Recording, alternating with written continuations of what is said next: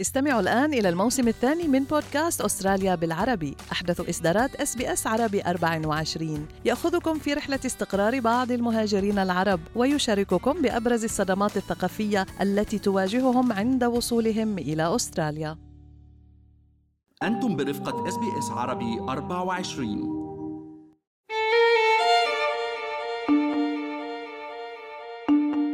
كثف المتمردون الحوثيون في اليمن هجماتهم على السفن في البحر الأحمر في الأسابيع الأخيرة مما دفع عددا من الشركات الكبرى إلى وقف حركة الشحن عبر الممر الملاحي المهم.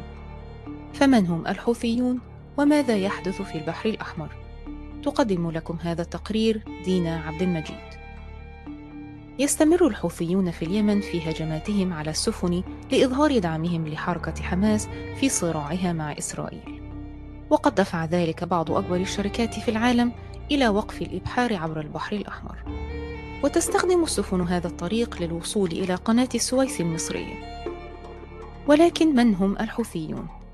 الحوثيون المعروفون رسميا باسم أنصار الله هم مجموعة من المتمردين الإسلاميين الشيعة المتمركزين في غرب اليمن.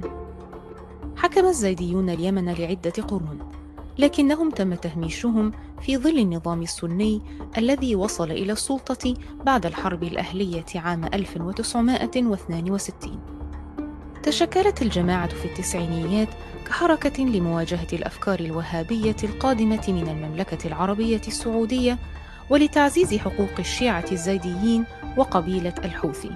ومن هنا حصلت الجماعة على اسمها.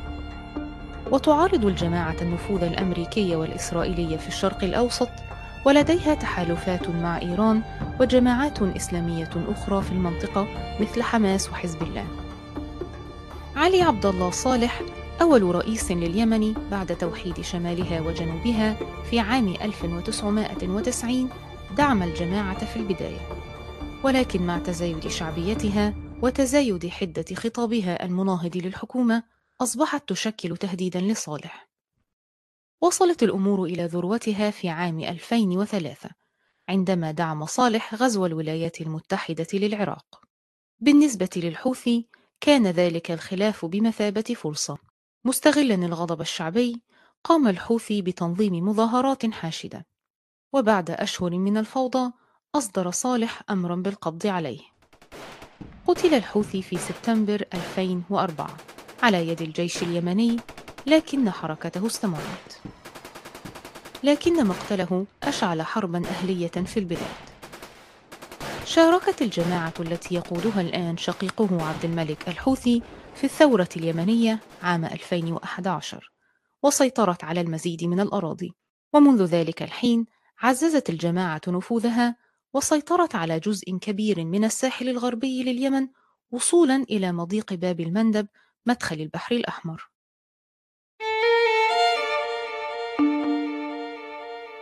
ومع تصاعد الحرب التي تشنها إسرائيل على قطاع غزة بدأ اسم الجماعة في الظهور بشكل متكرر في وسائل الإعلام بعد أن قررت إعلان تضامنها مع الشعب الفلسطيني على طريقتها الخاصة. تعهدت الحركة التي تدعم حماس باستهداف السفن التي تعتقد أنها تتجه من وإلى إسرائيل. هاجمت الجماعة عدة سفن في الأسابيع الأخيرة بطائرات بدون طيار وصواريخ وفي بعض الحالات استخدمت طائرات هليكوبتر لإنزال مقاتلين على متن سفن تجارية ولكن هل لتلك الهجمات تأثير حقيقي؟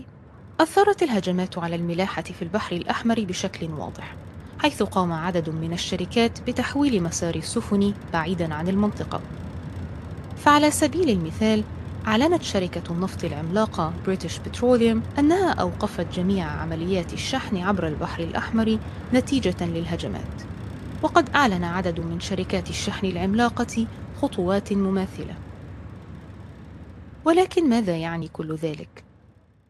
قد يفتقر الحوثيون إلى القدرات التي تتمتع بها جماعات مثل حزب الله وحماس ولكن قد تؤدي هجماتهم على السفن التجارية في البحر الأحمر إلى إلحاق نوع مختلف من الأذى بإسرائيل وحلفائها. تمر حوالي 15% من حركة الشحن العالمية عبر قناة السويس، وهي أقصر طريق ملاحي بين أوروبا وآسيا. ويقدر الخبراء أن تجنب البحر الأحمر يضيف حوالي عشرة أيام إلى الرحلة من آسيا إلى شمال أوروبا وشرق البحر الأبيض المتوسط وهو ما يمثل زيادة في وقت الرحلة بنحو الثلث. وقد أرسلت الولايات المتحدة الأمريكية سفينة حربية إلى المنطقة. كما أرسلت المملكة المتحدة سفينة حربية تابعة للبحرية الملكية أيضا. هذا ويجتمع مسؤولو الدفاع الأستراليون هذا الأسبوع لمناقشة طلب الولايات المتحدة إرسال سفينة حربية إلى الشرق الأوسط بسبب الاضطرابات في البحر الأحمر. ولكن قلل رئيس الوزراء أنتوني ألبانيزي من أهمية الطلب الأمريكي قائلا إنه طلب عام من الحكومات الإقليمية وليس دعوة محددة إلى أستراليا.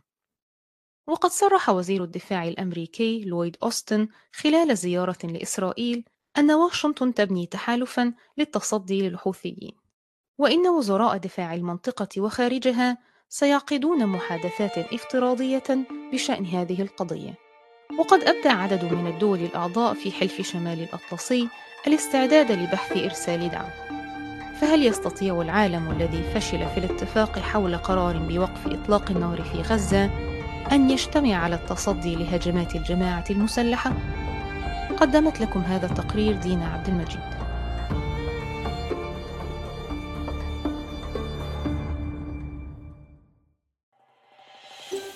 هل تريدون الاستماع إلى المزيد من هذه القصص؟